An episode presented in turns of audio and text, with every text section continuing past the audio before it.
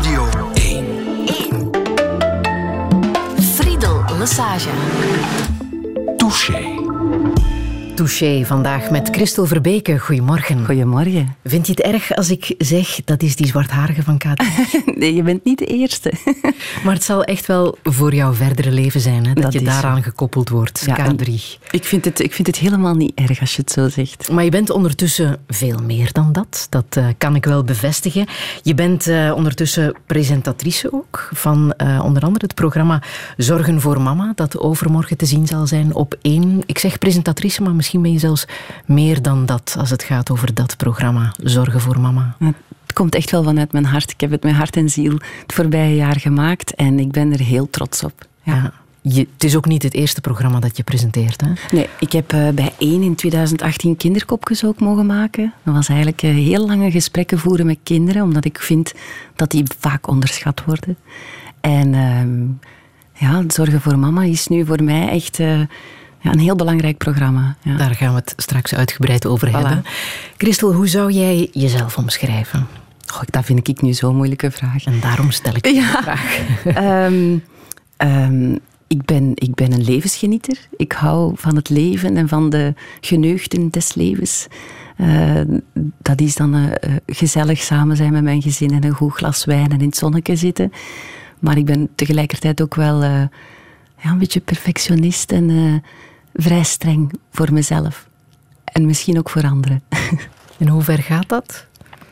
Ja, dat, dat is zowel in mijn job zoals als bij ons thuis, dat ik, dat ik het allemaal graag heel goed wil doen. En ehm, altijd maar beter wil worden ook in dingen die ik doe. Ehm, Heb je daar een verklaring voor? ik leer graag bij. Ik ben constant nieuwsgierig. En ik vind het heel fijn om, om me te laten omringen met mensen die beter zijn in iets, om daar dan van te leren. Aha. Ik vind dat heel fijn. Ook iemand met een groot verantwoordelijkheidsgevoel? Ja, ja dat wel. Ehm, verantwoordelijkheidsgevoel naar mijn gezin heb ik in de eerste plek. Ik wil zo graag dat zij het goed hebben.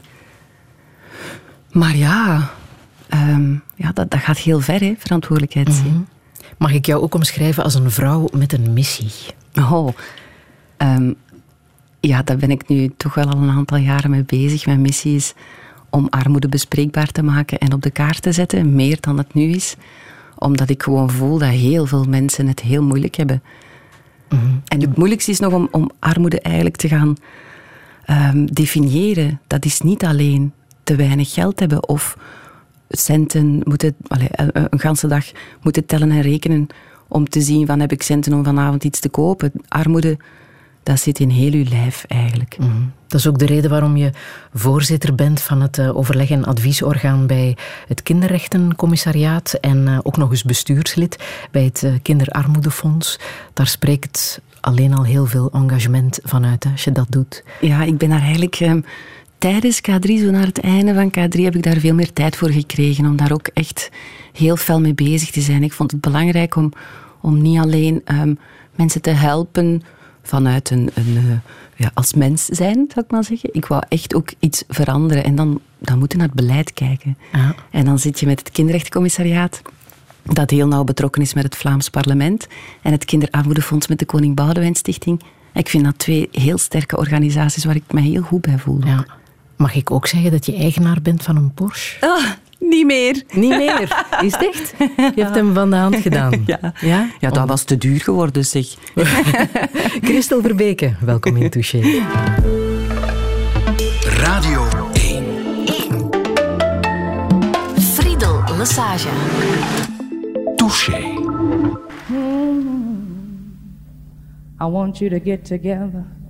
Put your hands together one time and help me pray for one sinner from the ghetto. Oh Lord, we call him Harold Jones and he plays drums. Would you do it for him one time? Yeah, yeah, yeah, yeah, yeah. They appreciate you, Harold Jones, and playing bass, Lord. You know that he's a sinner. I saw his stash, oh Lord, Lord, Lord, Lord, would you please put a blessing on Brother Ed Boyer? We appreciate you too. Mm, hit that note again. Let me see if that's still right. Mm-hmm. And oh Lord, from the ghetto, from a $100,000 house tag ghetto. Mm-hmm. Lord, you don't need to bless him no more. Mm. Please get together for Mr. George Gaffney. Yeah, yeah, yeah, yeah, yeah, yeah, yeah, yeah, yeah.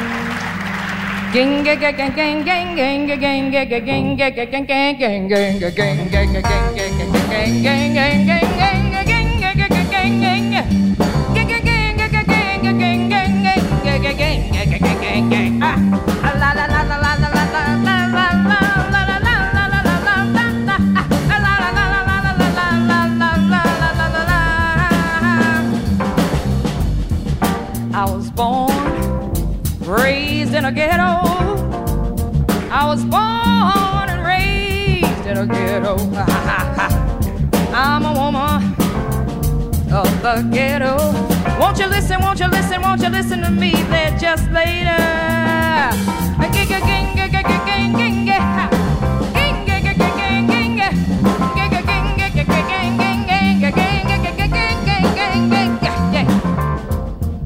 How do you raise your kids in a ghetto? How do you raise your kids in a ghetto? Do you feed one child and starve another? Won't you tell me,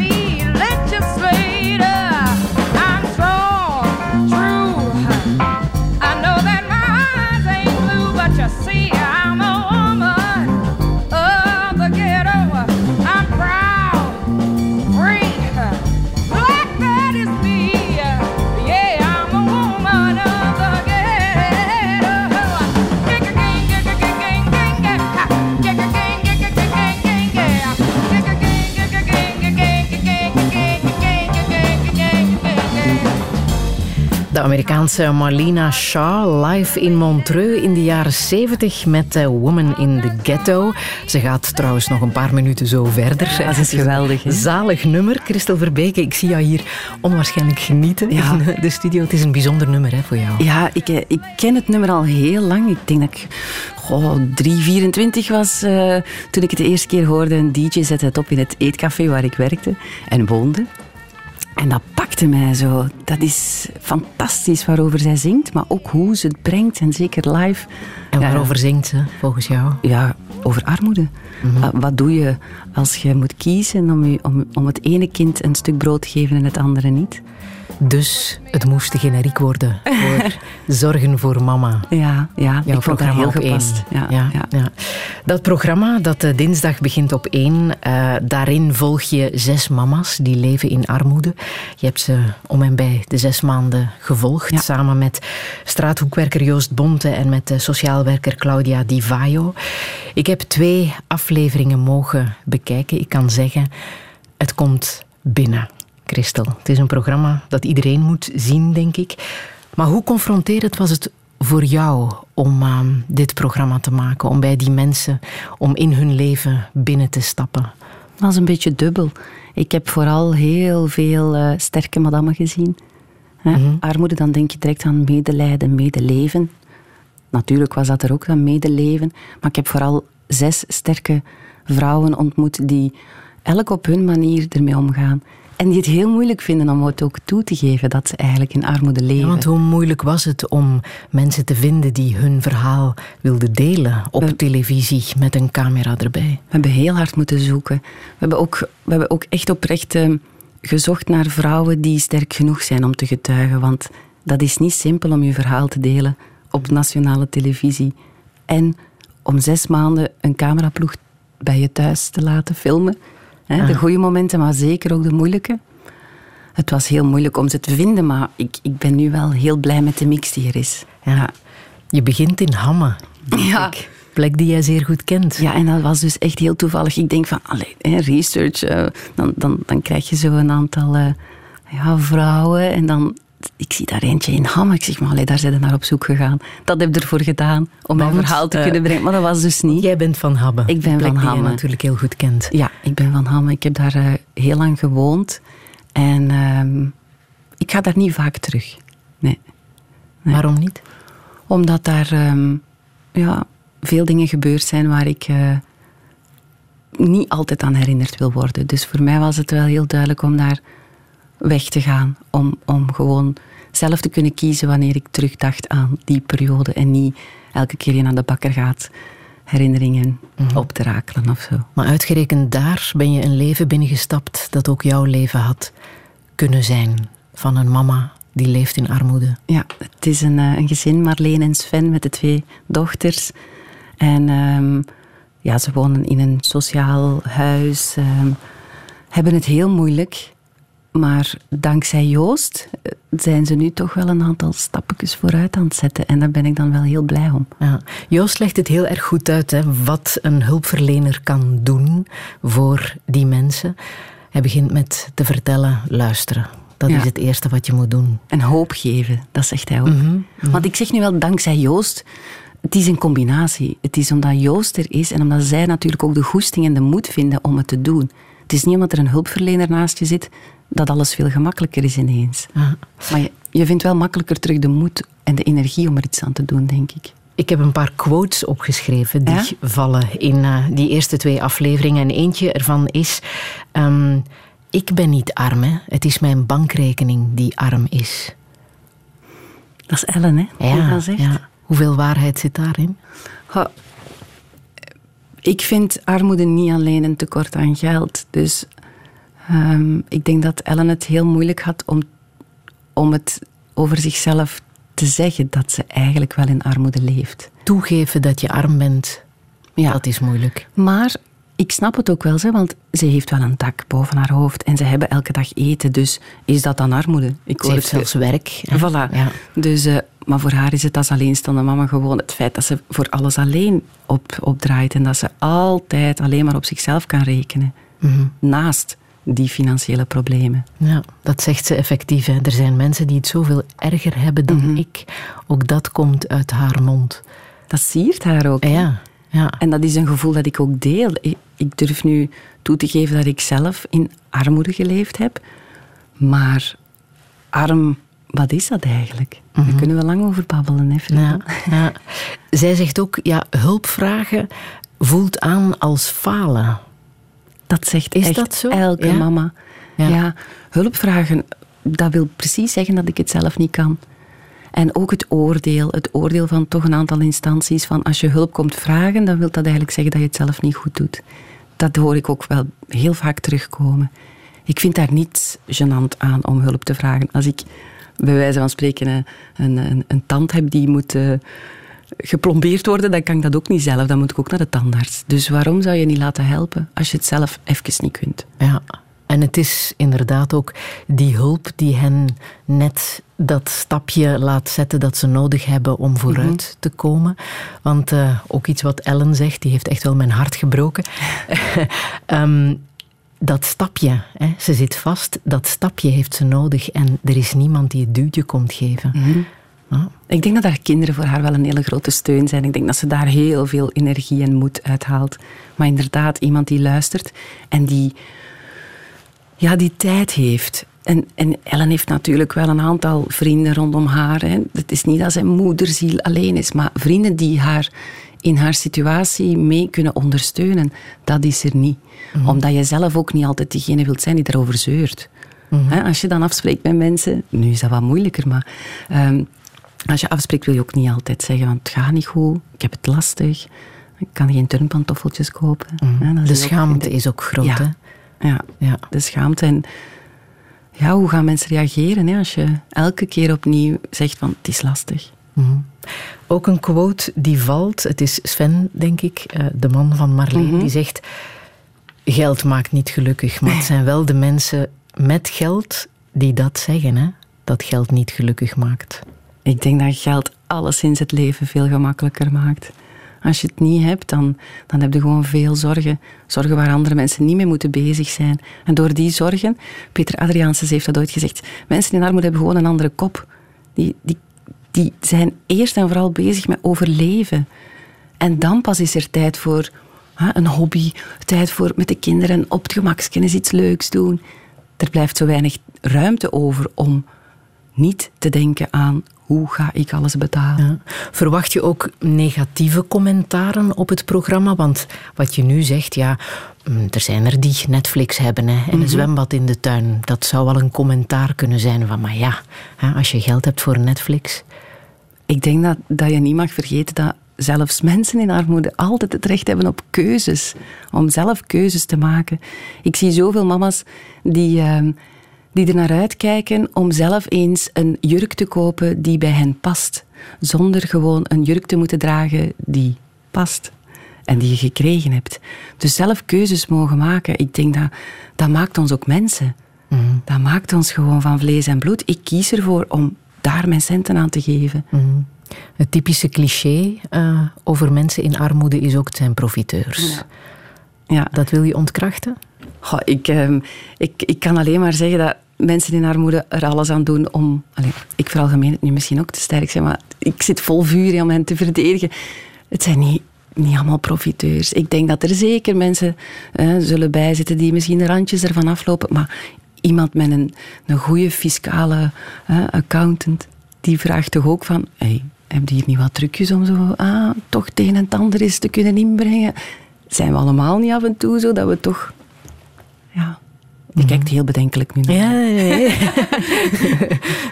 ik ben geïnteresseerd in jouw uitleg daarover. Ja, want je probeert ook hen vooral het gevoel te geven dat ze nuttig zijn. Hè? Iedereen kan nuttig zijn in een mensenleven. Ik vond dat zo mooi dat Sven um, op een bepaald moment zegt van...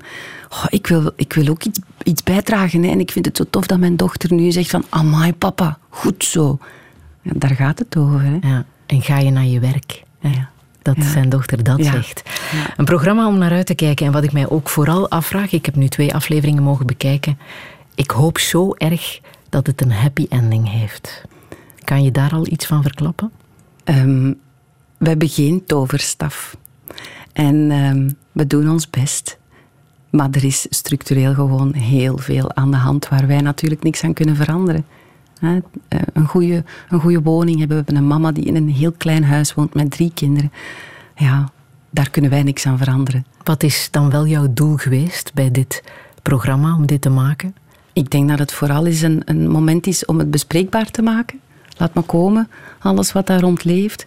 En, en gewoon is te horen hoe die mama's naar zichzelf kijken en hoe ze echt wel beseffen in welke situatie ze zitten.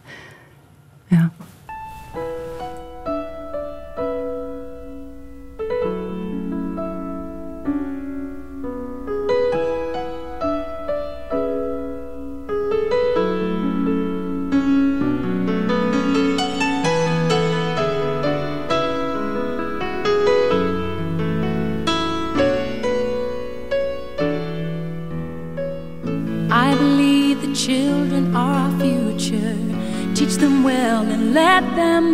The way.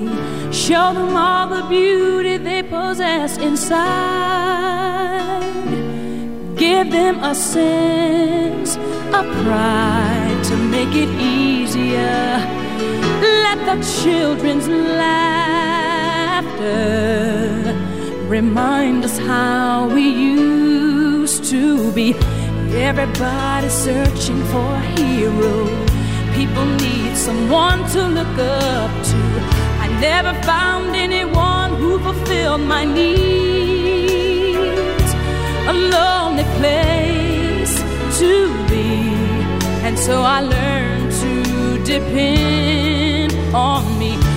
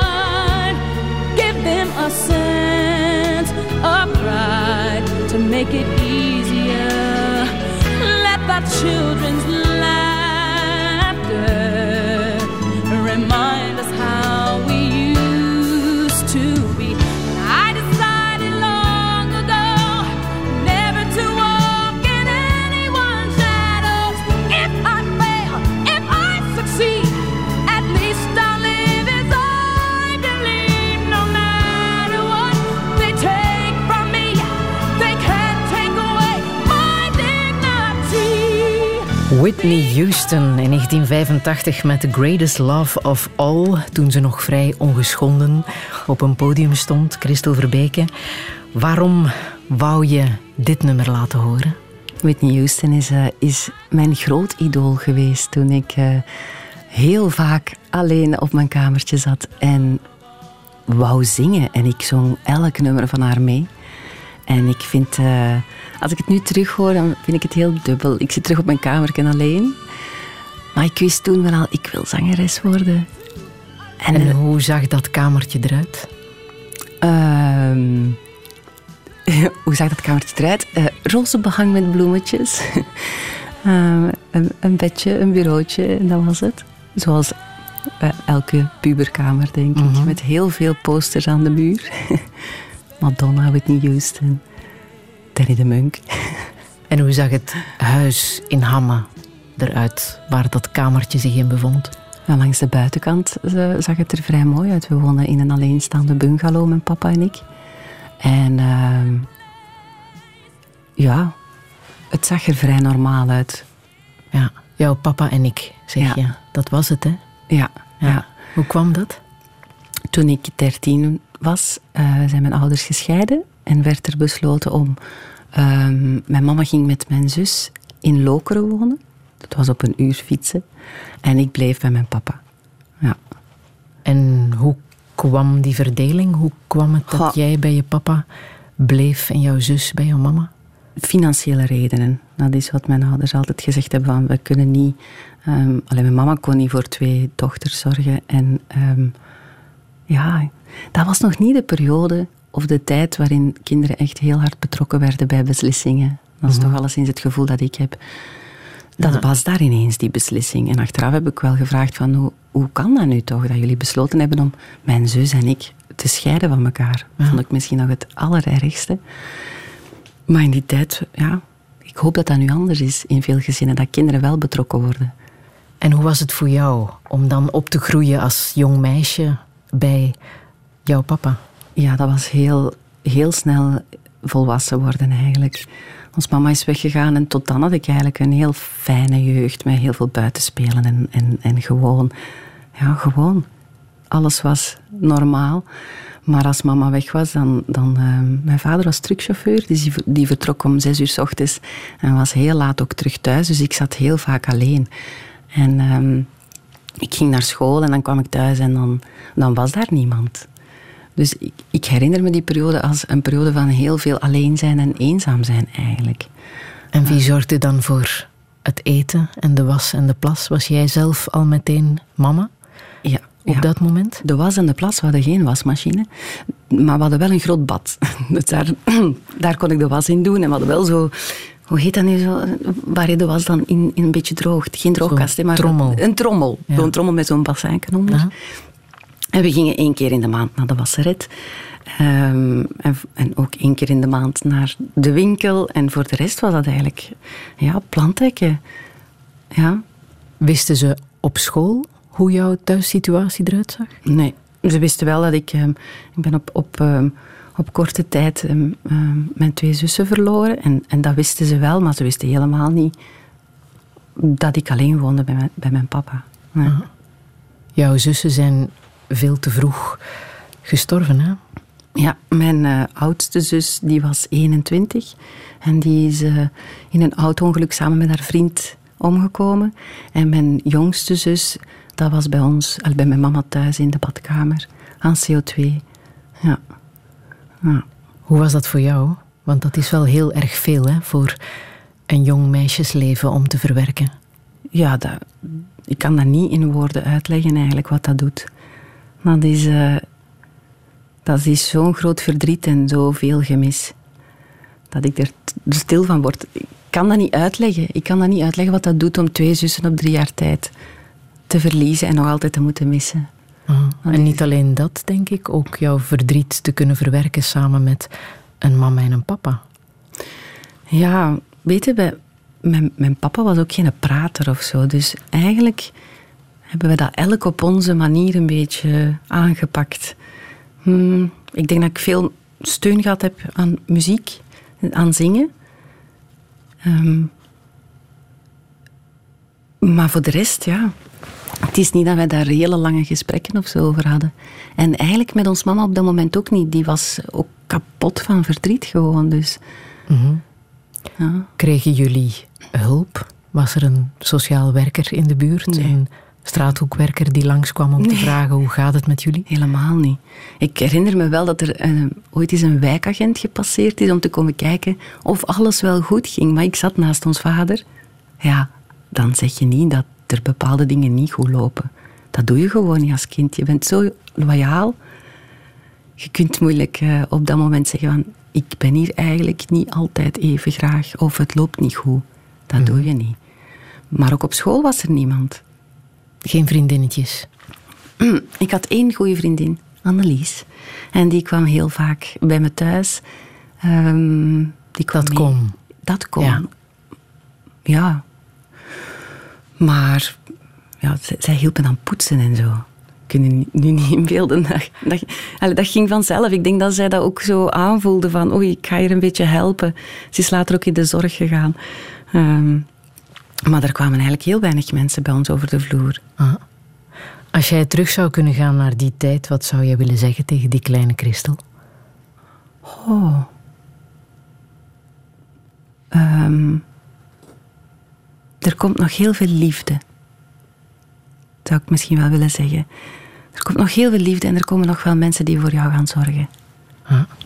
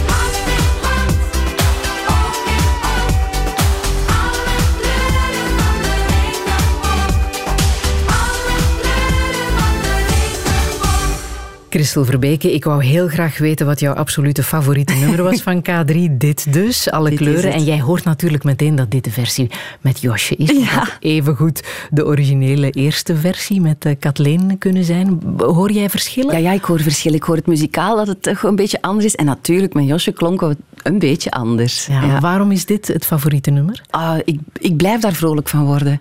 Ik vind dat ook een hele mooie tekst. Dat is, een, dat is een hele mooie boodschap die erin zit. Maar vooral als je dat akoestisch brengt, dat nummer, dan blijft dat overeind. Er zitten zo mooie akkoorden in. Ik vind dat echt eh, het mooiste nummer van K3 nog steeds. Mag ik zeggen dat K3 jouw winnende lottobiljet in het leven is geweest? Jouw kans om er iets te kunnen van maken? Voor een groot stuk wel, ja, zeker. Ik moet wel zeggen, ik, ik, ik ben gaan studeren en ik had een job in een bank. Maar dat ik dan gekozen heb om K3 te gaan doen, dat was voor mij natuurlijk de beste keuze die, heb- die ik heb kunnen maken. Ja, je hebt regentaat gedaan, hè? Ja, Ja, Nederlands. Was dat ook echt wat je wou doen? Nee, eigenlijk niet. Ik wou, ik wou heel graag Germaanse doen. Ik heb altijd iets met taal gehad. Ik wou dat heel graag verder studeren. Maar ehm, dat was geen optie voor mijn vader. Die wou eigenlijk heel graag dat ik gewoon eh, heel veel thuis was. En Germaanse, dat was dan op kot of, of toch eh, verder weg. En dan heb ik eigenlijk in samenspraak met de onderdirectrice van mijn school, waar ik toen ehm, moderne talen deed, die zei van, maar hier in de buurt, in Sint-Niklaas, is regentaat Nederlands misschien wel een optie en betaalbaar. Want dat was niet op kot, dat was helemaal niet ver weg. Dat was gewoon de bus pakken en ik was er. Maar goed dat zij dat tegen jou heeft gezegd. Ja, absoluut. Anders had je dat niet gedaan? Oh, ik was misschien toch niet eh, daar terechtgekomen. Hè. Ik vond het wel een, een, een heel goed voorstel van haar ook van doe dat, dat ligt jou. En dan zag ik mezelf ook wel voor de klas staan. Ja. En dan was er ook K3. Hoe is dat eigenlijk weer begonnen? Dat is begonnen in 98, november Ja. 98, ons eerste singeltje. En een beetje daarvoor... eh, Ik kende Niels William al heel goed. Ik deed bij hem al backing vocals. En, en we hebben elkaar eh, in tien om te zien in die periode eigenlijk goed De muzikant, componist. hè, Absoluut. Die, eh, jullie Ja, ja. nummers maakte? Eh, nee, Niels William is de manager geweest. De Het is. Miguel Wiels die onze muziek vooral maakt. Ja, ja, ja. Ehm, en op een dag zei hij tegen mij, van, zeg, wat denkt je, hè, met twee andere meisjes een, eh, een groep. En ik, ik had dan Karen leren kennen, ik had Leen ook. Dat klikte wel. Maar ja, dat lag heel ver af van de muziek die ik graag hoorde, eerlijk gezegd. Ik, ik was vooral fan van jazzy, funky. Dat hebben we al Eh, kunnen horen. Ja, ja. Ik zat ook in, in, een, in een groepje dat het heel goed deed. De Stardust Funk Boutique. We deden zelfs mee aan... het was niet Humo's Rock Rally, maar debuutrock. Of, maakt niet uit. Dus we waren eigenlijk wel goed bezig. Deden veel optredens. De charlatan, zo die scenery. En dan ging ik ineens eh, Vlaamse muziek brengen met twee andere meisjes. Dat was een stap. Maar als ik dan de muziek hoorde, vond ik het wel ook fijn. Luchtig. En dan was er die single Hey Ja Mama. Ja, Dat, is het zo wat geweest, hè? Ja, ja, ja. ja Eurosong, Waarmee hè. jullie naar Eurosong wilden gaan. Was het niet dat eh, Marcel van Tilt jullie als fijne vleeswaren omschreef en daar Echt, heel hè? veel discussie eh, heeft rond eh, doen ontstaan? Maar misschien was dat ook goed, dat er Ja, op die manier werd gepraat. Zeker. En, en het was echt in die zomer, de zomer van 2000, zo opvallend. Overal waar wij kwamen stonden gezinnen. De papa's met de kinderen in de nek en overal aan het wachten tot we er waren. Dat was echt op heel korte termijn zo groot. Dat was niet normaal. Mhm. Dat was echt eh, ja, een beetje Beatles-toestanden. ja? ja? ja. Heftig, maar ik denk ook achter de schermen ook heftig. Want ondertussen liep jouw eigen leven ook wel door. Hè? Wat gebeurde daar achter de schermen op dat moment, in die Ehm, periode? In 2000, in eh 10 maart 2000, is mijn papa gestorven. En die heeft eh, een, een zwaar gevecht gehad met longkanker. Dus eigenlijk de, de periode dat K3 het eh, ja, ja, heel goed deed, was ik achter de schermen onze papa aan het verzorgen. En hoe oud was jij toen? 25. Mm. Ja. En afscheid aan het nemen. Ja, ja, heel pittig allemaal. Maar ook wel, hij was zo trots. Hij was echt heel trots. Hij heeft het wel nog geweten Ja. waar hij mee bezig was. Ik had een tijdje geen contact meer met hem gehad. Daar waren allerlei redenen voor. Maar K3, ja, hij was daar wel trots op. En ik ben heel blij dat ik de eerste cd ook nog aan hem heb kunnen overhandigen. ja. K3 werd big business vanaf 2002, als Studio 100 zich eh, in het verhaal is eh, komen moeien, mag ik dat zo zeggen? Goh, moeien, dat klinkt misschien wel negatief. Ze hebben ons vooral ondersteund om K3 groter te maken. Ze hebben ons echt de tools gegeven om goed georganiseerde optredens te brengen. Wij stonden echt in elke feesttent, op elke braderie. En bij Studio 100 werden we in de theaters geboekt, in, in, in de zalen waar kinderen en de gezinnen eigenlijk ja, beter konden genieten van wat, wat we deden. Zij waren ook eh, de eerste die zeiden, een musical, is dat iets voor jullie? Een beetje acteren, is dat iets voor jullie? Dus zij hebben eigenlijk zo ja, het, het groot gemaakt. Ja, er kon ook geld verdiend worden. Dat, Hoe bedoel je? dat was toch voelbaar bij iedereen. En zeker bij Studio 100 denk ik dat er een concept was waarmee eh, geld kon verdiend worden op allerlei manieren. Want als ik het eens eh, bekijk, eh, je lijstje wat jij hebt gedaan, 13 studioalbums, 8 compilatiealbums, 3 soundtrackalbums, 36 singles, 5 series, 6 bioscoopfilms, K3 specials, 4 musicals, dat is heel wat hè. Amai, als je dat zo oplijst. Wie deed de veel. Wist je wat je waard was? Wij hebben dat altijd zelf gedaan. Ja? We hebben ons wel laten, natuurlijk laten ondersteunen door een advocaat die de teksten eh, ging, ging nalezen. Maar we hebben elke contractonderhandeling zelf gedaan, omdat dat ook zo gegroeid is. Eh, Met Hans en Gert in het begin, en, en Niels er in, in het begin ook bij, hebben we altijd heel open erover kunnen babbelen. En, en zij zijn eigenlijk nooit... eh, eh, moet ik dat zeggen? Als er tickets werden verkocht, wisten wij ook, oké, er gaat nog BTW af. Hoeveel zijn er in de zaal? De zichtlijnen, zoveel mensen zijn er minder in die zaal. Dus wij waren echt heel nauw betrokken ook bij alles. En ja, daar, daar is geld mee verdiend, dat is zeker waar. Maar als ik dan zie hoeveel dat er geïnvesteerd is, hè, zes bioscoopfilms, dat is ook niet niks. Al die musicals, als je ziet hoe hard daarvoor gewerkt is en hoe hard er eigenlijk ook in cultuur geïnvesteerd is. Eh, ik zeg het met een smile, hè, omdat het soms Ja, ja. een beetje Ja. lacherig over gedaan wordt. Maar we hebben heel veel mensen ook job gegeven. En dat Want beseften we wel. was heel veel eh, succes, veel verkoop, maar ook wel kritiek. Hè? Die commerciële druk eh, van K3 op kinderen vonden sommige ouders ook wel onverantwoord. Ja, ja hè, de, de, de merchandising dan vooral, Aha. denk ik, hè, dat je bedoelt. Ja, er is altijd gezegd van, we verplichten ouders nergens toe. Maar natuurlijk, als je hè, buiten stapt bij een optreden en er hangen ballonnetjes en, en je kunt ook nog de cd mee, ja, dan wordt het als mama heel moeilijk hè, om nee te zeggen. En wat vond je daar zelf van? Op dat moment was ik daar misschien niet zo hard mee bezig Nee? dan nu. Nee. Want het is een sprookjeswereld die jullie hebben gecreëerd. Hè? Ja, maar dat vond ik wel heel fijn. Je ziet ook gewoon op, op het moment dat, dat een, een gezin in de zaal zit, is dat een heel fijn moment. Dat is een herinnering. Een herinnering voor het leven. En dat heb ik altijd voor ogen gehad van... Ik geef mij volledig, want ik wil gewoon dat de mensen echt genieten van wat wij aan het doen zijn. Maar had je zelf niet het gevoel, dit staat heel erg ver af van het echte leven?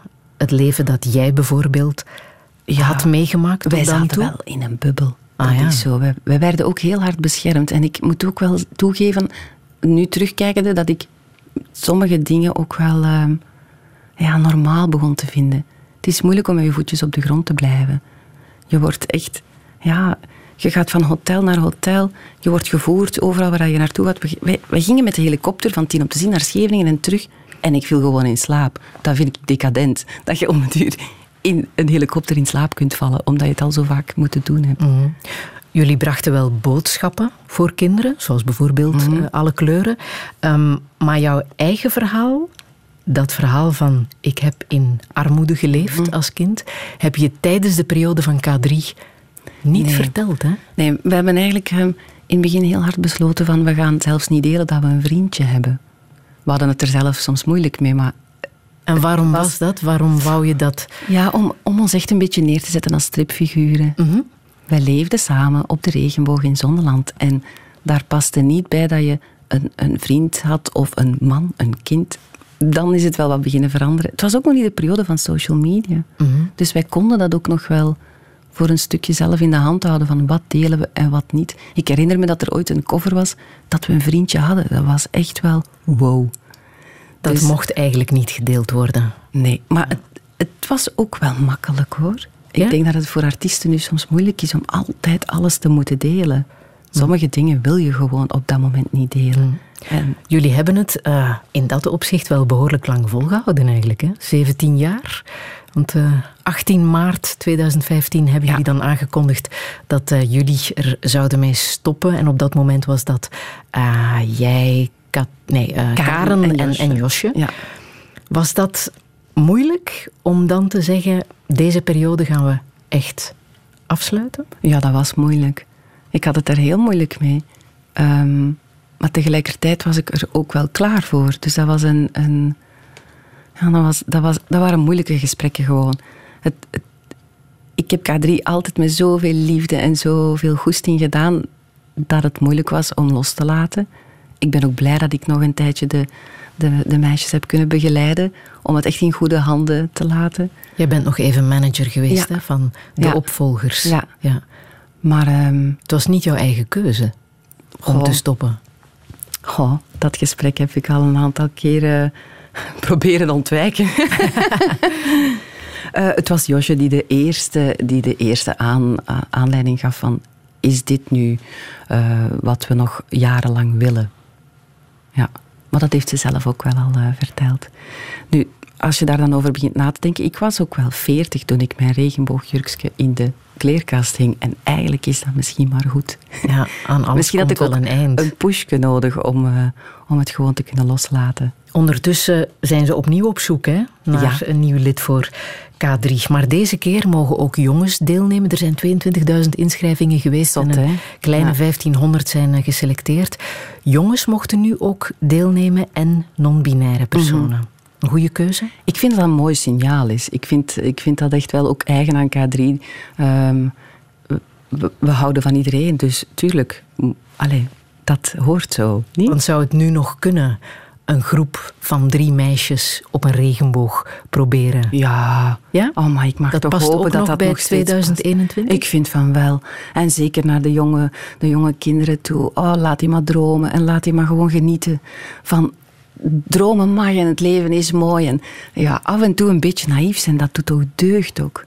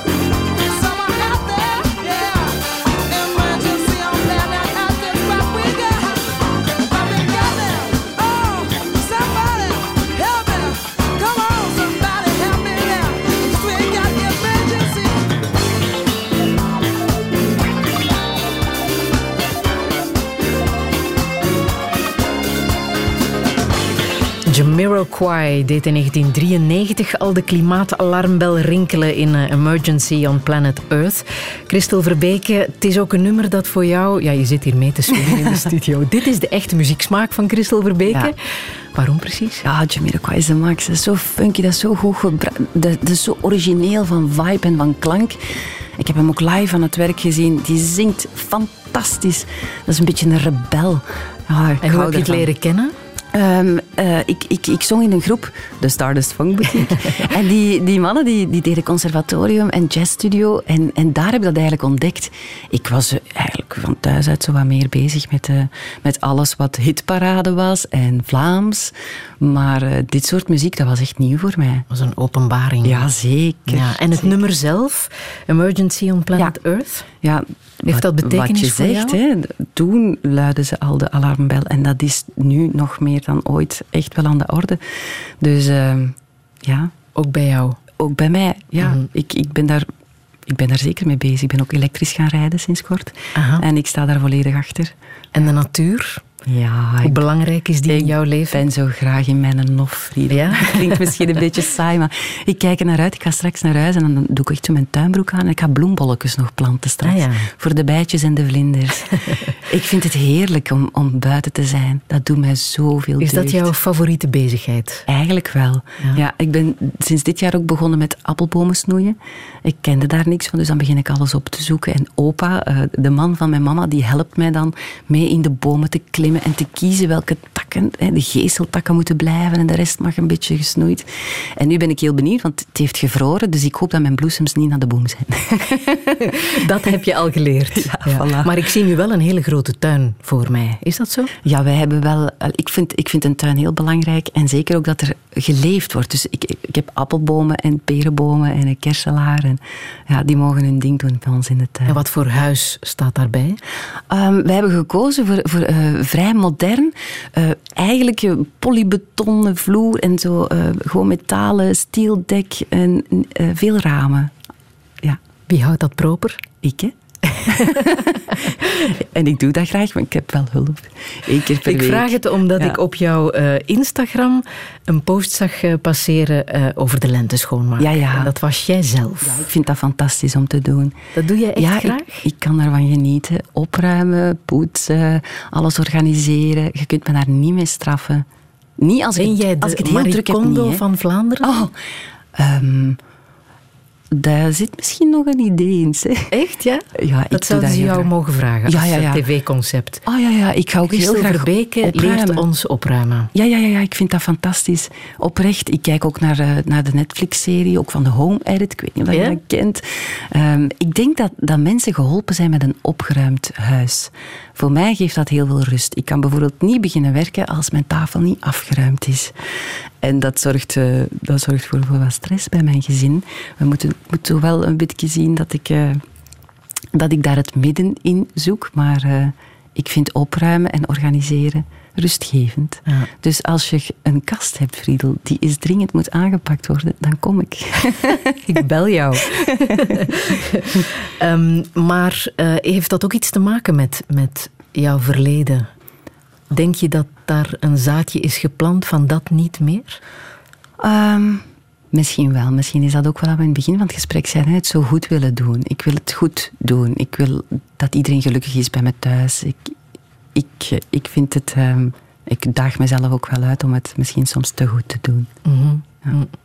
Ik heb ehm, hier nog een legendarisch nummer voor jou klaarstaan. Ik voel me zo verdomd alleen van Danny de Munk. En de dat film op- Radio de Rat. 1. Ja, ja, in Touché kan alles.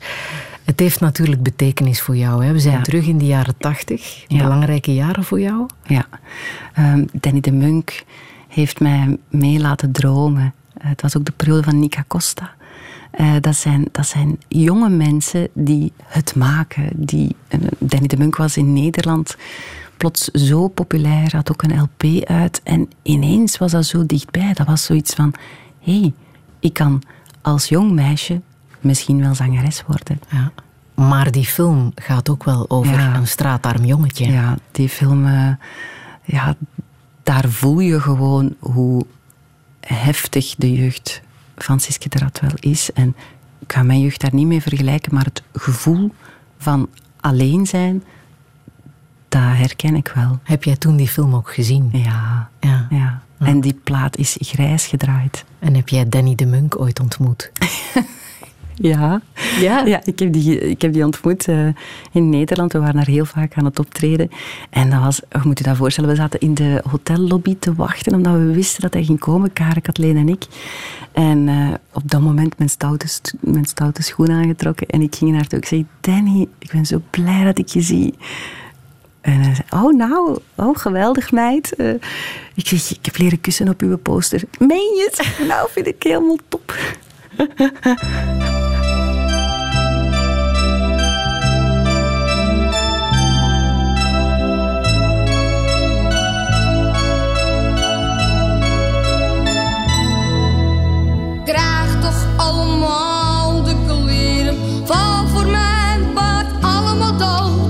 Ik heb geen zin om braaf te leren. Ik eindig toch wel in de goot. Kinderen willen niet met me spelen. Noemen me raad en wijzen me na. De enige die me wat kan schelen, die is er nooit. Dat is mijn pa. Mijn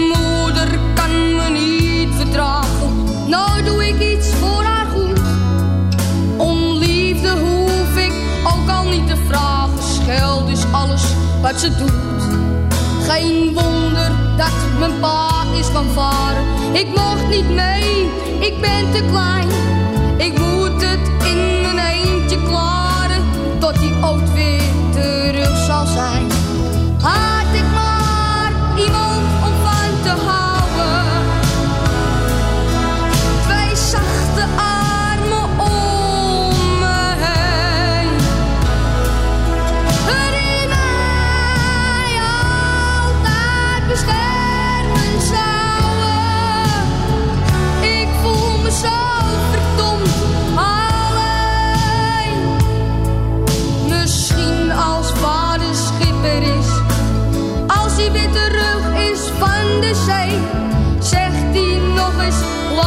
Sis, waarom ga je niet met me mee?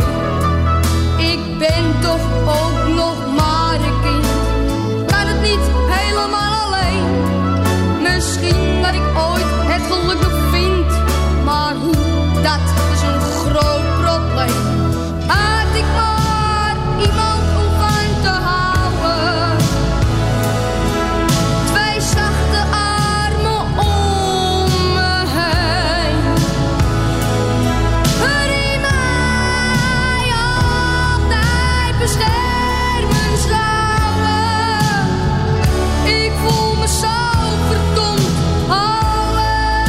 Wat een stem, hè, van Danny de Munk. En eh, ik voel me zo verdomd alleen uit de film Siske de Rat. Zometeen praat ik verder met Christel Verbeke.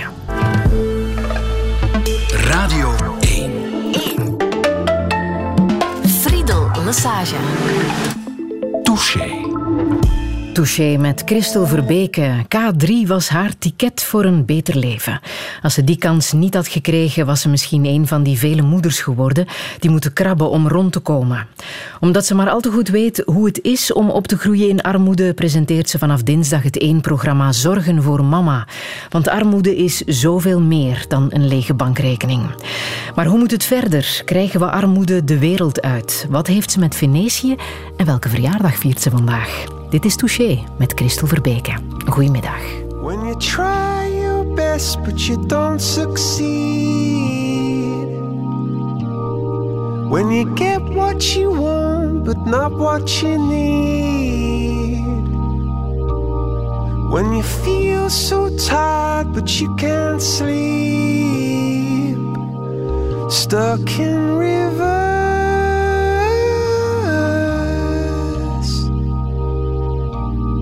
And the tears come streaming down your face. When you lose something you can't replace. When you love someone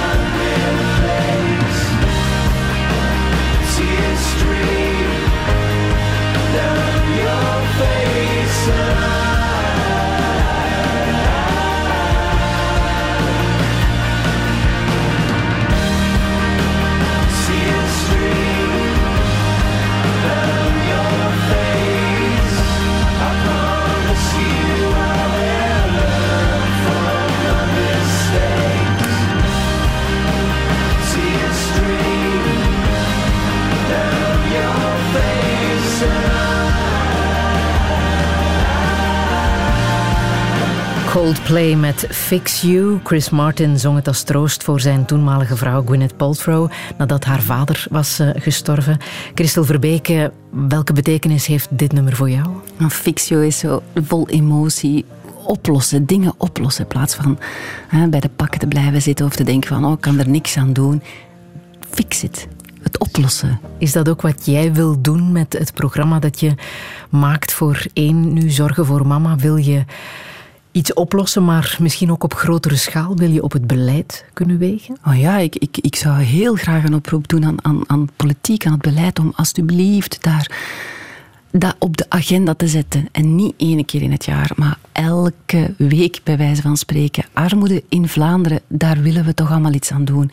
Ik vind het heel, heel, eh, heel jammer dat er zo, naar mijn gevoel, te weinig echt ge- ge- gegaan wordt. Ehm, als ik kijk naar het, het, eh, het Vlaams eh, actieplan voor eh, armoedebestrijding, dan denk ik, waar zit de uitdaging? Lokale besturen kunnen meer doen, krijgen nu ook meer middelen. Maar als Janineke van het OCMW niet goed weet hoe eraan te beginnen, dan moeten we Janineke vooral gaan uitleggen dat er projecten zijn en dat er bestaande organisaties zijn die heel goed werk leveren. En ik, ik droom ervan dat, dat, dat over het beleid heen, niet alleen de minister van Armoede, maar dat iedereen zijn verantwoordelijkheid neemt. Het gaat over huisvesting, het gaat over... Er zijn te, te weinig huizen, alleenstaande ouders. Die hebben bijna allemaal een probleem, financieel. Dan vind ik van, van de minister dat daar echt een, eh, een sterk actieplan tegenover mag staan. En dan voel ik dat te weinig. Als ik denk aan kinderopvang, dat is meer dan opvang. Als je ziet, een kind dat in armoede opgroeit, gaat sowieso minder kansen hebben omdat dat minder goed ontwikkeld is, omdat dat minder geprikkeld is, omdat daar minder boeken aanwezig zijn, omdat daar minder tijd is van de ouder om met zijn kind bezig te zijn. En dan vind ik het onze verantwoordelijkheid om misschien die drempel richting kinderopvang kleiner te maken. De school, ik kan me daaraan ergeren eigenlijk als ik een, als ik een factuur krijg. En bij mij is er geen, geen probleem om ze te betalen, maar kunnen we alsjeblieft ervoor zorgen Kijk, ik krijg het er moeilijk van. Hè. Kunnen we alsjeblieft ervoor zorgen dat kinderen echt gratis naar school kunnen? En dat die laptop die moet gekocht worden door een ouder, dat die misschien toch op een of andere manier ter beschikking kan gesteld worden aan kinderen die er anders geen hebben. Dat verschil van kleins af, dat is gewoon nefast. Je haalt dat niet meer in. Wat zit er dan mis bij dat Vlaams actieplan, die eh, VAPA, waar eh, je over spreekt? Ja, ik ben natuurlijk ik ben geen politica en ik, ik, ben, ik ken dat dossier helemaal niet zo goed, maar volgens mij gaat het er vooral over ehm, dat ze moeten communiceren met elkaar, dat ze de lokale besturen beter kunnen gaan ondersteunen, dat ze lokale besturen meer kunnen gaan zeggen hoe ze de dingen moeten aanpakken. Ik had een tijdje geleden met VVSG ook eh, een heel debat eh, het Kinderarmoedefonds heeft een aantal projecten waar we heel hard in geloven. Bijvoorbeeld het Go-team in Mechelen, dat eh, een gezinsondersteuner ter beschikking stelt aan zeven gezinnen. Die ondersteuner heeft maar zeven gezinnen. Wat dus uitzonderlijk is. Iemand van het OCMW heeft er misschien 25, 30. Je gaat er dan ook vanuit dat de ondersteuning dat zo'n, eh, zo iemand kan geven anders is. Hè? Als je zeven gezinnen hebt en ook een bepaalde autonomie. Die hebben dan een bepaald budget dat ze zelf kunnen beslissen. Oké, ik voel dat dit gezin eigenlijk nood heeft aan een fiets. We gaan tweedehands op zoek naar een fiets en ik heb daar de centen voor. Dat kind moet morgen naar de tandarts, want het heeft een groot probleem. En die gezin, gezinsondersteuner kan zelf beslissen dat het belangrijk is en daar centen voor geven. Ik denk dat we naar zo'n dingen moeten gaan. Je raakt ook nog iets onderliggend, hè, dat trouwens ook wordt benoemd door een van de mensen die eh, meedoen aan het eh, programma. Armoede is miscommunicatie op vele vlakken. Op vele vlakken, ja. Ik denk, de communicatie die ik in de pers, in de media zie, is dikwijls ook ehm, vol oordelen. En, en ehm, het zijn allemaal profiteurs. En armoede, daar kies je voor. Ja, nee, hè. Absoluut niet. En ik denk dat we daar met dit programma misschien ook wel een verschil kunnen maken. Dat we, dat we laten zien dat armoede veel meer is. Ja, maar zeg je ook dat het heel vaak bij die mensen eh, de grote moeilijkheid is om te kunnen communiceren, om die telefoon te nemen en de ja. dingen zelf te regelen, om naar instanties te stappen en te zeggen: ik heb die hulp echt wel nodig. Die communicatie is er vaak helemaal niet. Nee, en ook wat ik ook ehm, gehoord heb, Sven zegt dat in de eerste of in de tweede aflevering. eh, hij durft de telefoon niet te pakken. Hij zegt, mensen van instanties die hebben allemaal zure gezichten en die hebben allemaal oordelen. Ik vind dat heel erg. En, en eigenlijk snapte ik het niet helemaal zo van, maar waarom belde jij nu niet gewoon? Tot ik dan Sven zie en vol zenuwen die telefoon zie pakken en, en dat gesprek hoor voeren en voel van, dit is gewoon echt heel erg. De instanties die het ook goed zullen voor hebben met mensen, die drempel is te hoog. De drempel is te hoog. Mhm. We kunnen dat nu wel verwachten van zoveel instanties. En jij hebt ook mensen in het programma die eh, mee ondersteunen. Een sociaal werker en een straathoekwerker.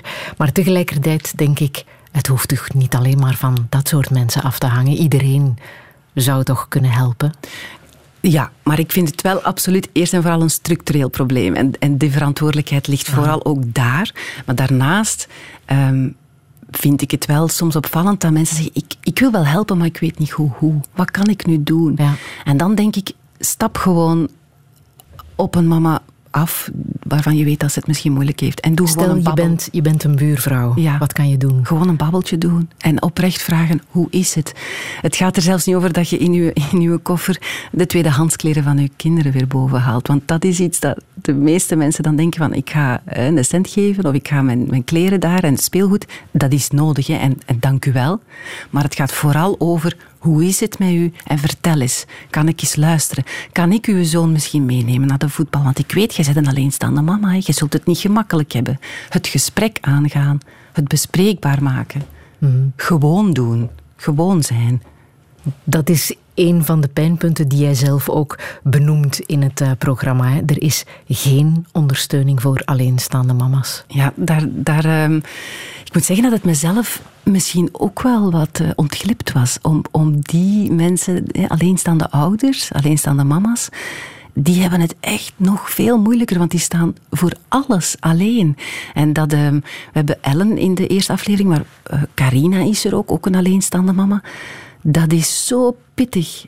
Ik En kan me dat niet voorstellen, moest ik dat meemaken. In hun geval echt alleenstaand. Dus ook geen netwerk, Nee. geen ouders, geen broers, zussen, geen buren Ja, ja. die inspringen. En dus ook ja, altijd verantwoordelijk zijn voor die kinderen, daar altijd moeten zijn. Ik Ook zou als het zot niet worden, goed gaat Friedel. met Echt jezelf. waar. Ik vind, dat, ik vind dat dikke chapeau dat zij dat kunnen en dat ze dat doen. En zo zijn veel ouders. En wat ik zeker nog eens wil be- benadrukken is, de mama's die meedoen in ons programma willen geen medelijden. Dat mogen we niet hebben, want ze zijn sterk. Maar we mogen er wel mee meevoelen. Wat heb jij zelf geleerd door dit programma te maken? Ehm maar dat is een moeilijke vraag. Goh, Iets wat je zelf niet wist, niet besefte? Misschien is het dan toch wel eh, het verhaal van Ellen dat mij het hardst geraakt heeft, omdat ik, me daar, omdat ik daar nooit bij stilgestaan had. Of te weinig. Die alleenstaande mama die geen laptop heeft en als er een krijgt, niet weet hoe hij aan moet. Dat haakte er wel in. Die is 25. Het leven moet nog beginnen. En ze weet aan de ene kant, die laptop, dat kan mijn zetje zijn dat ik nodig heb. Ja. Om werk te vinden, om misschien opnieuw te kunnen studeren. Ja. ja, want als je een opleiding... En je kan dan zeggen, ja, eh, Ellen zegt, eh, ik heb geen opties, maar ze kan toch studeren. Ja, daar heb je ook tijd voor nodig, moet. Maar vooral een laptop, weten hoe je ermee moet werken. En als je dat allemaal nog moet inhalen... Ja, En als dat avondschool is, ja, dat kan dan niet, hè? Met heel twee moeilijk. kinderen. Heel moeilijk. Ja.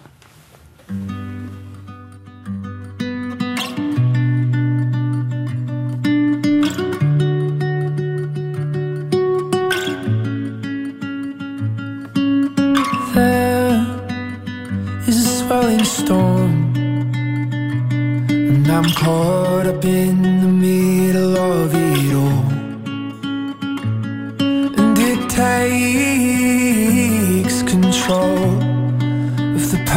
that I thought I was, the boy I used to know.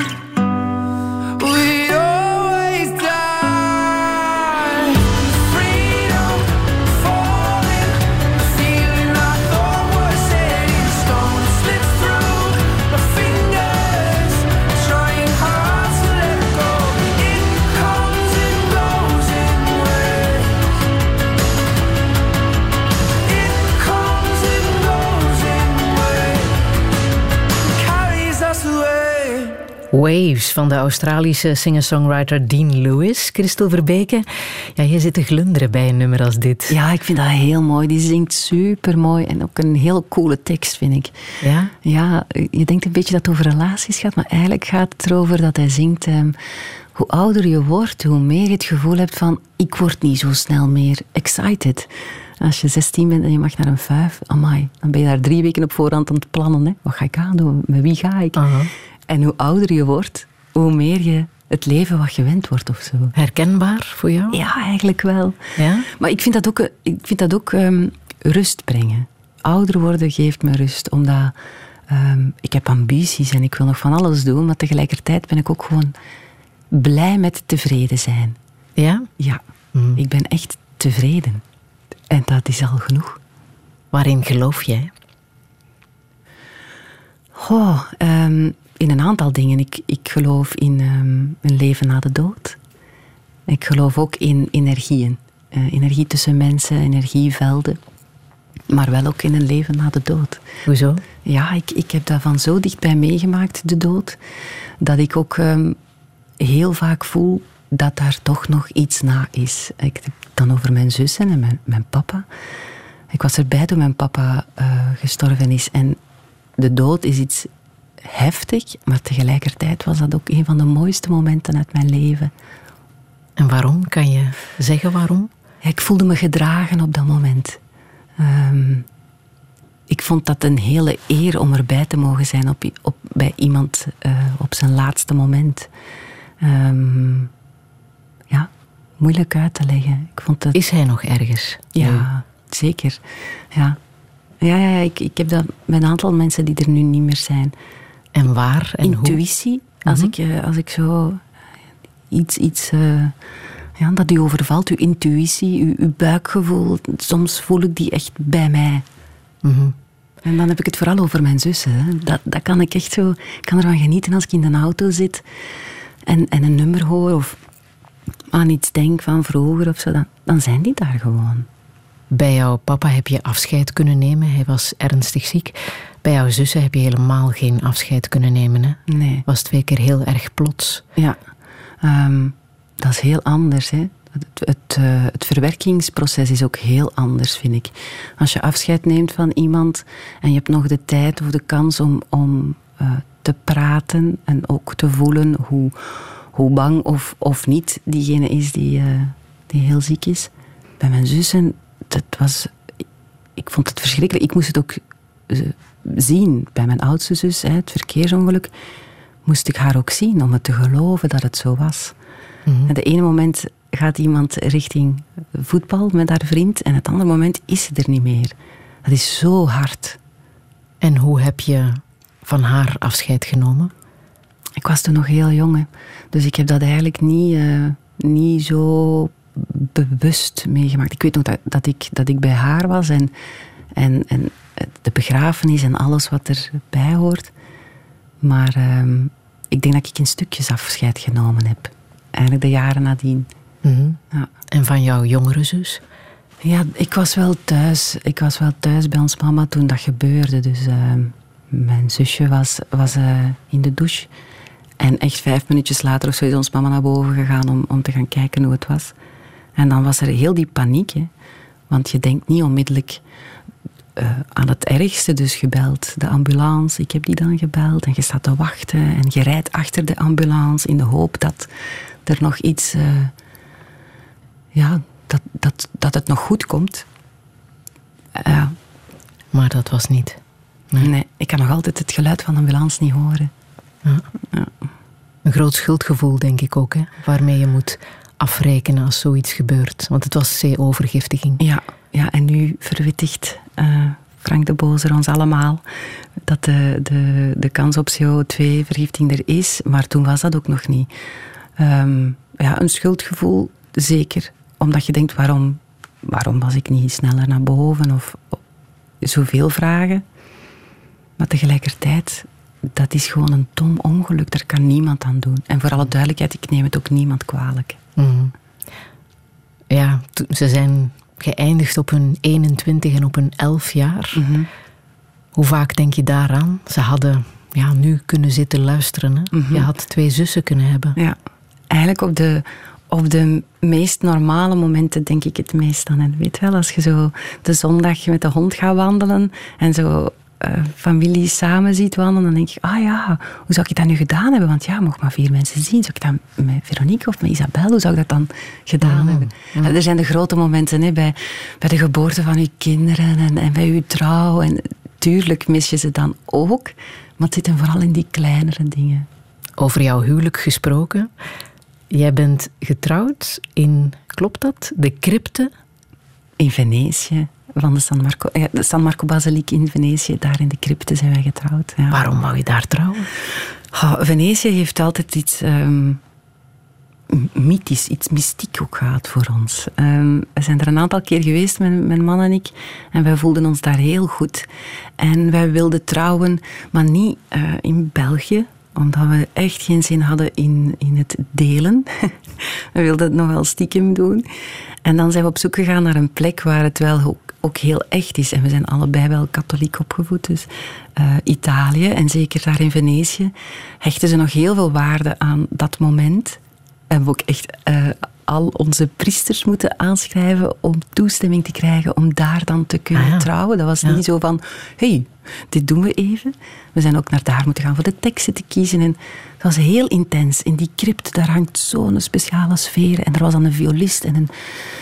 Ja, dat was magisch. Ah, en daar zijn de kinderen ook gedoopt. Ja, Ook dat? Ja, onze pastoor heeft dat dan gevraagd. Van, ja, als er bambini zijn, dan kom je toch met de bambini terug. En dat hebben we dan ook gedaan. Ja, we vonden dat wel de moeite om het ook in diezelfde crypte... En wat is wat jou zo aanspreekt in het geloof? Zijn het die tradities, die rituelen? Goh, ik, ik moet zeggen dat ik, niet, eh, dat ik me ook niet goed, goed voel bij alles wat de kerk doet of uitstraalt. Dus dat is het. eh, dat, het is niet het instituut. Hoewel ik het ritueel van trouwen en het ritueel van dopen wel heel mooi vind. Ik heb onlangs met Pasen nu mijn doopkaars ook nog eens aangestoken. Dat geeft mij hoop. Dat geeft mij ja, ehm, licht. Dus ik, dat doet mij deugd. Ehm, maar geloven is voor mij vooral hopen dat er nog iets is na de dood en, en dat we onze energie nog ergens gaan terugvinden. Mhm. Je zegt, ik ben katholiek opgevoed en jouw man ook. Veel mensen van jouw generatie zijn van hun geloof afgevallen. Hè? Is dat dan bij jou niet gebeurd? Is er geen moment geweest waarop je het gevoel had dat dat niks meer voor jou was? Ik ben heel boos geweest hè, op God. Ik bedoel, hoe onrechtvaardig kan het zijn om op drie jaar tijd twee jonge mensen gewoon weg te plukken?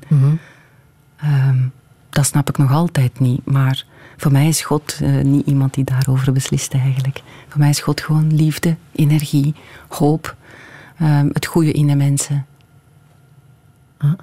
Bid jij nog? Ja. Op welke manier? In mijn bed. Dankbaar zijn voor de, de- wat die dag gebracht heeft. Of eh, hulp vragen. Ja. Ik bid niet met een weesgegroetje. Ja.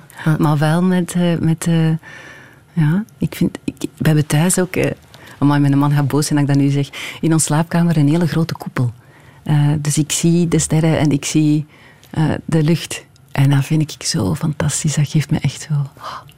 Er is hemels. Het is hemels. er is iets buiten dit. Ja, er is iets. Ik mag het hopen. Mhm. Ja. Als je zegt hulp vragen, waarvoor vraag jij hulp? Om sterk te zijn, om, om, ehm, om dingen aan te kunnen. Bijvoorbeeld met mijn programma wou ik vooral ook hulp om, om sterk genoeg te zijn om, om voor de mama's er te kunnen zijn als zij het moeilijk hebben. Ehm, maar gewoon, ja, hulp vragen om eh, beter te worden. Daar hebben we het nogal over gehad, hè? om een betere versie te worden van mezelf. Vind je het moeilijk om dit nu ook te delen? Dat is wel heel privé, hè? Ja. ik vind dat heel, heel privé. Ja. Maar het is niet erg.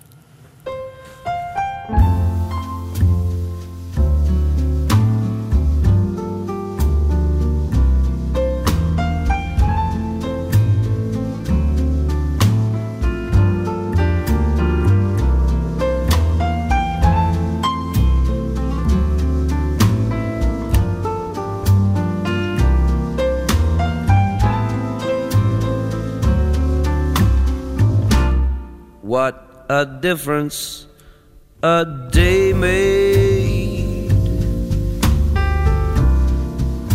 Twenty-four little hours.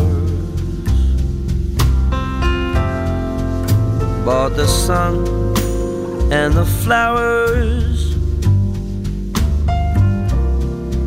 where there used to be rain.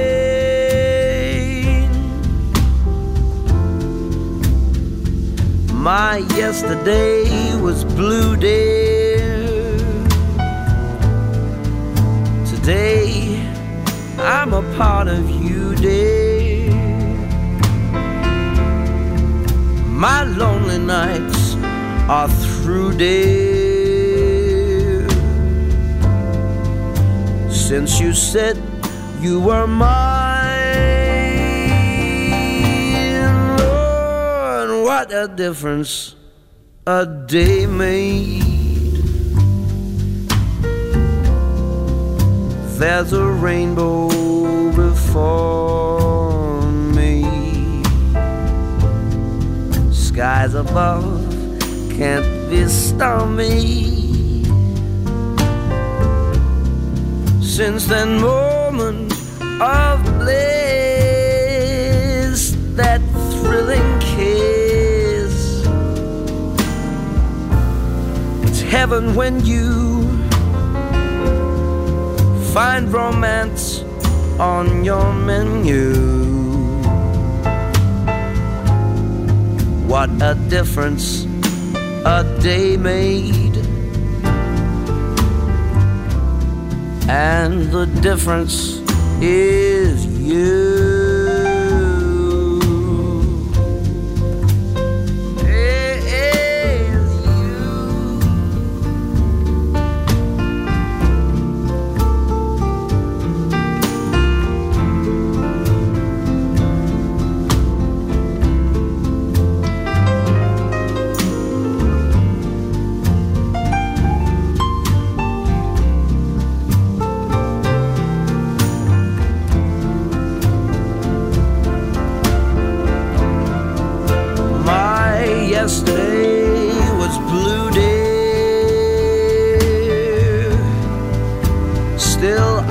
I'm part of you, dear. My lonely nights are through, dear. Since you said you were mine, Lord, what a difference a day makes. There's a rainbow before me. Skies above can't be stormy. Since that moment of bliss, that thrilling kiss.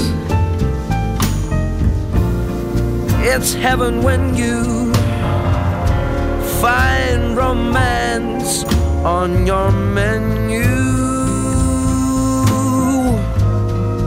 What a difference a day made. And the difference is you. Jamie Cullum en What a Difference a Day Make. Christel Verbeke, kan je daar nog iets aan toevoegen? Oh, dit is zo mooi. Ik wil eigenlijk niks zeggen, want hij is nog aan het zingen, Friedel. Hoort. Oh. The Difference is You. Ja, ik, Tegen wie zeg jij dat?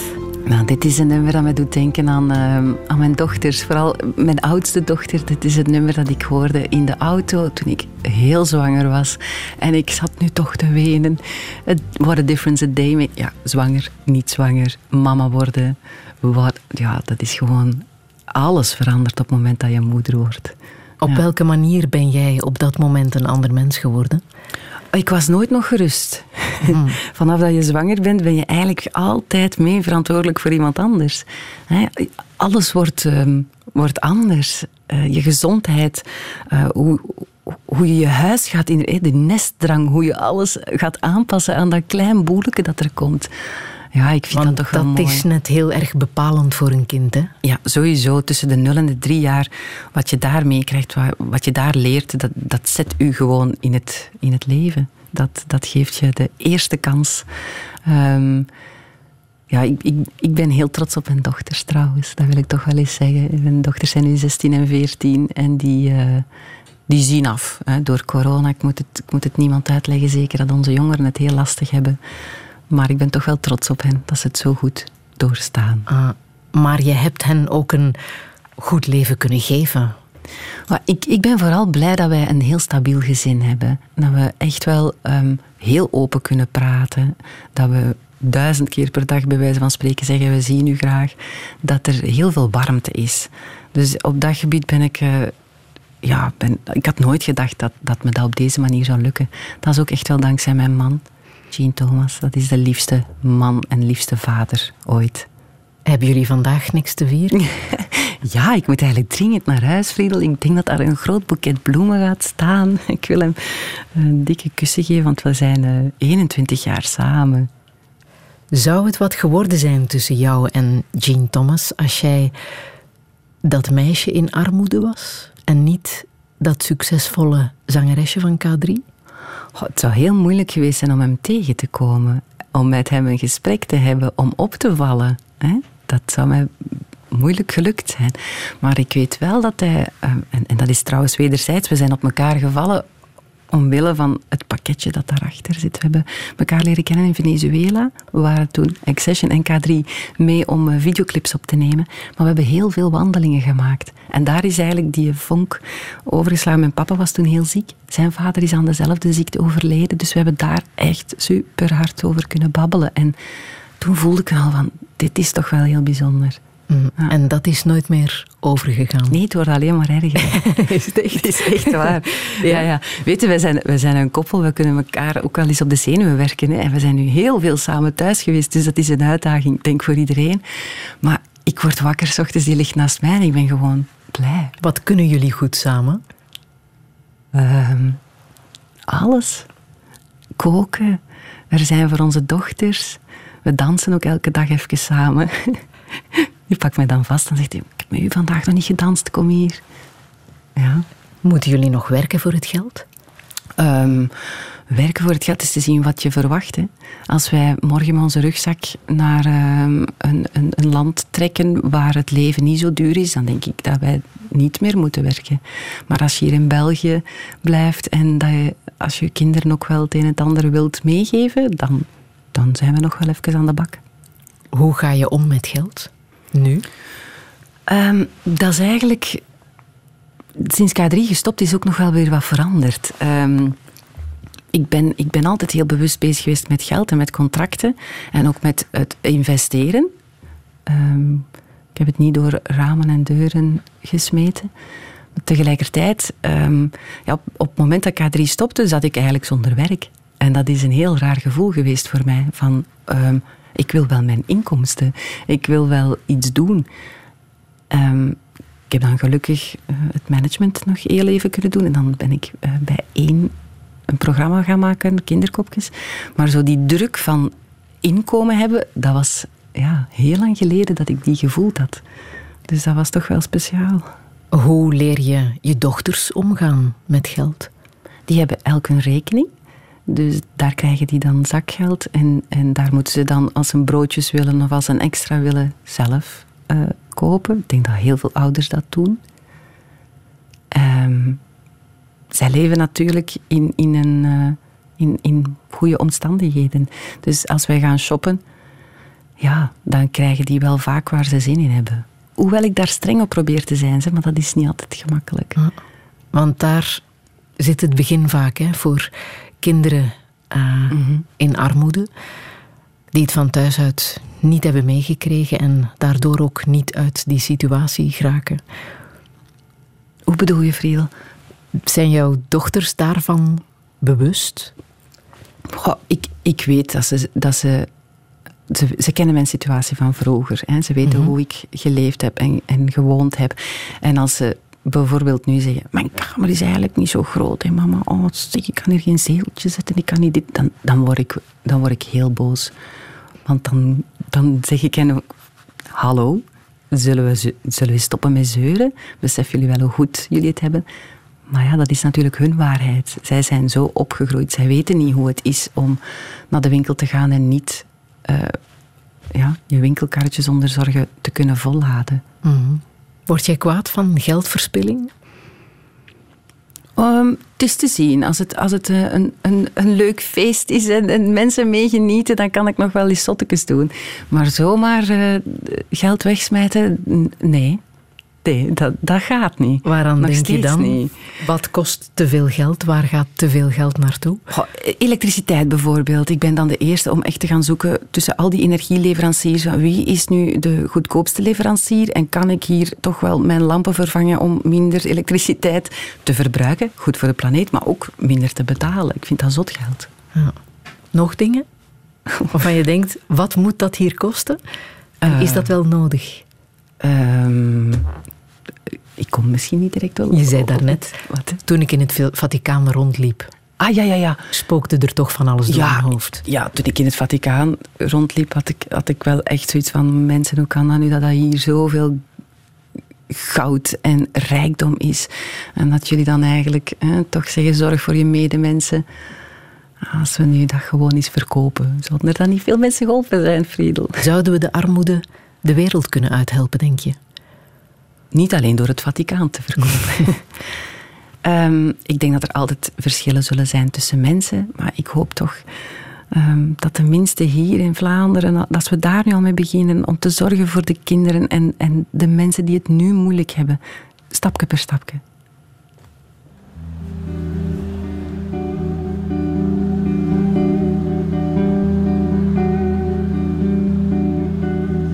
The moment I wake up,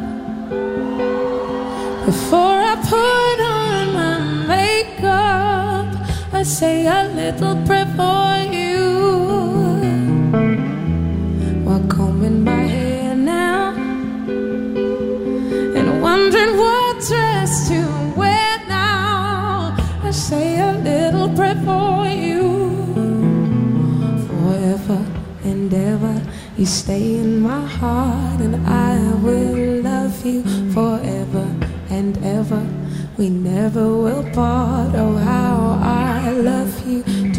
together, together is how it must be to live without you would only mean heartbreak for me.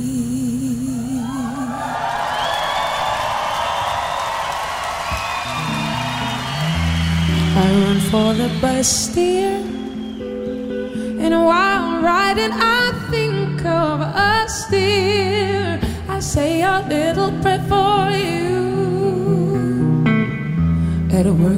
just take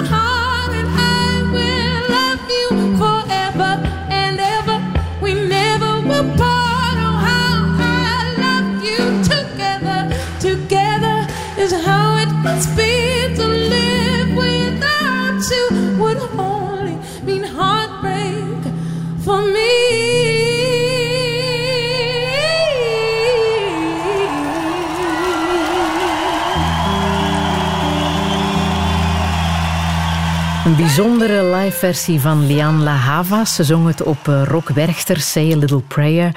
Het nummer dat ook groot is gemaakt door Dionne Warwick en Mhm. Rita Franklin.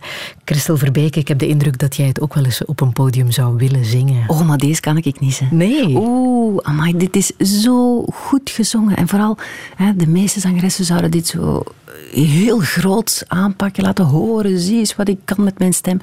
Maar zij doet dat zo ingetogen en zo juist. Amai, dat is wel echt heel straf. Mm. Jij bent in december 45 geworden? Ja.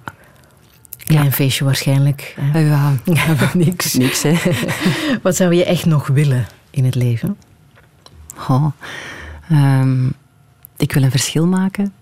Dat klinkt heel stom als je dat zo zegt, maar echt, ik hoop echt dat we door het programma, door Zorgen voor Mama, een eerste stapje kunnen zetten in een revolutie eh, rond armoede hier in Vlaanderen. En daarnaast ben ik eigenlijk heel gelukkig met mijn gezin, met mijn dochters, mijn man, mijn hond. Eh, dus ik, ik teken ervoor om de rest van mijn dagen eigenlijk dit gevoel te blijven houden. Wil jij uitgroeien tot iets meer dan alleen maar een herinnering aan K3? Oh, ehm, ik denk dat de meeste mensen me altijd zullen herinneren als de zwarte van K3. En, en ik merk dat ook aan heel veel jongeren die op straat naar me toe komen en echt flippen. Hè. Oh my god!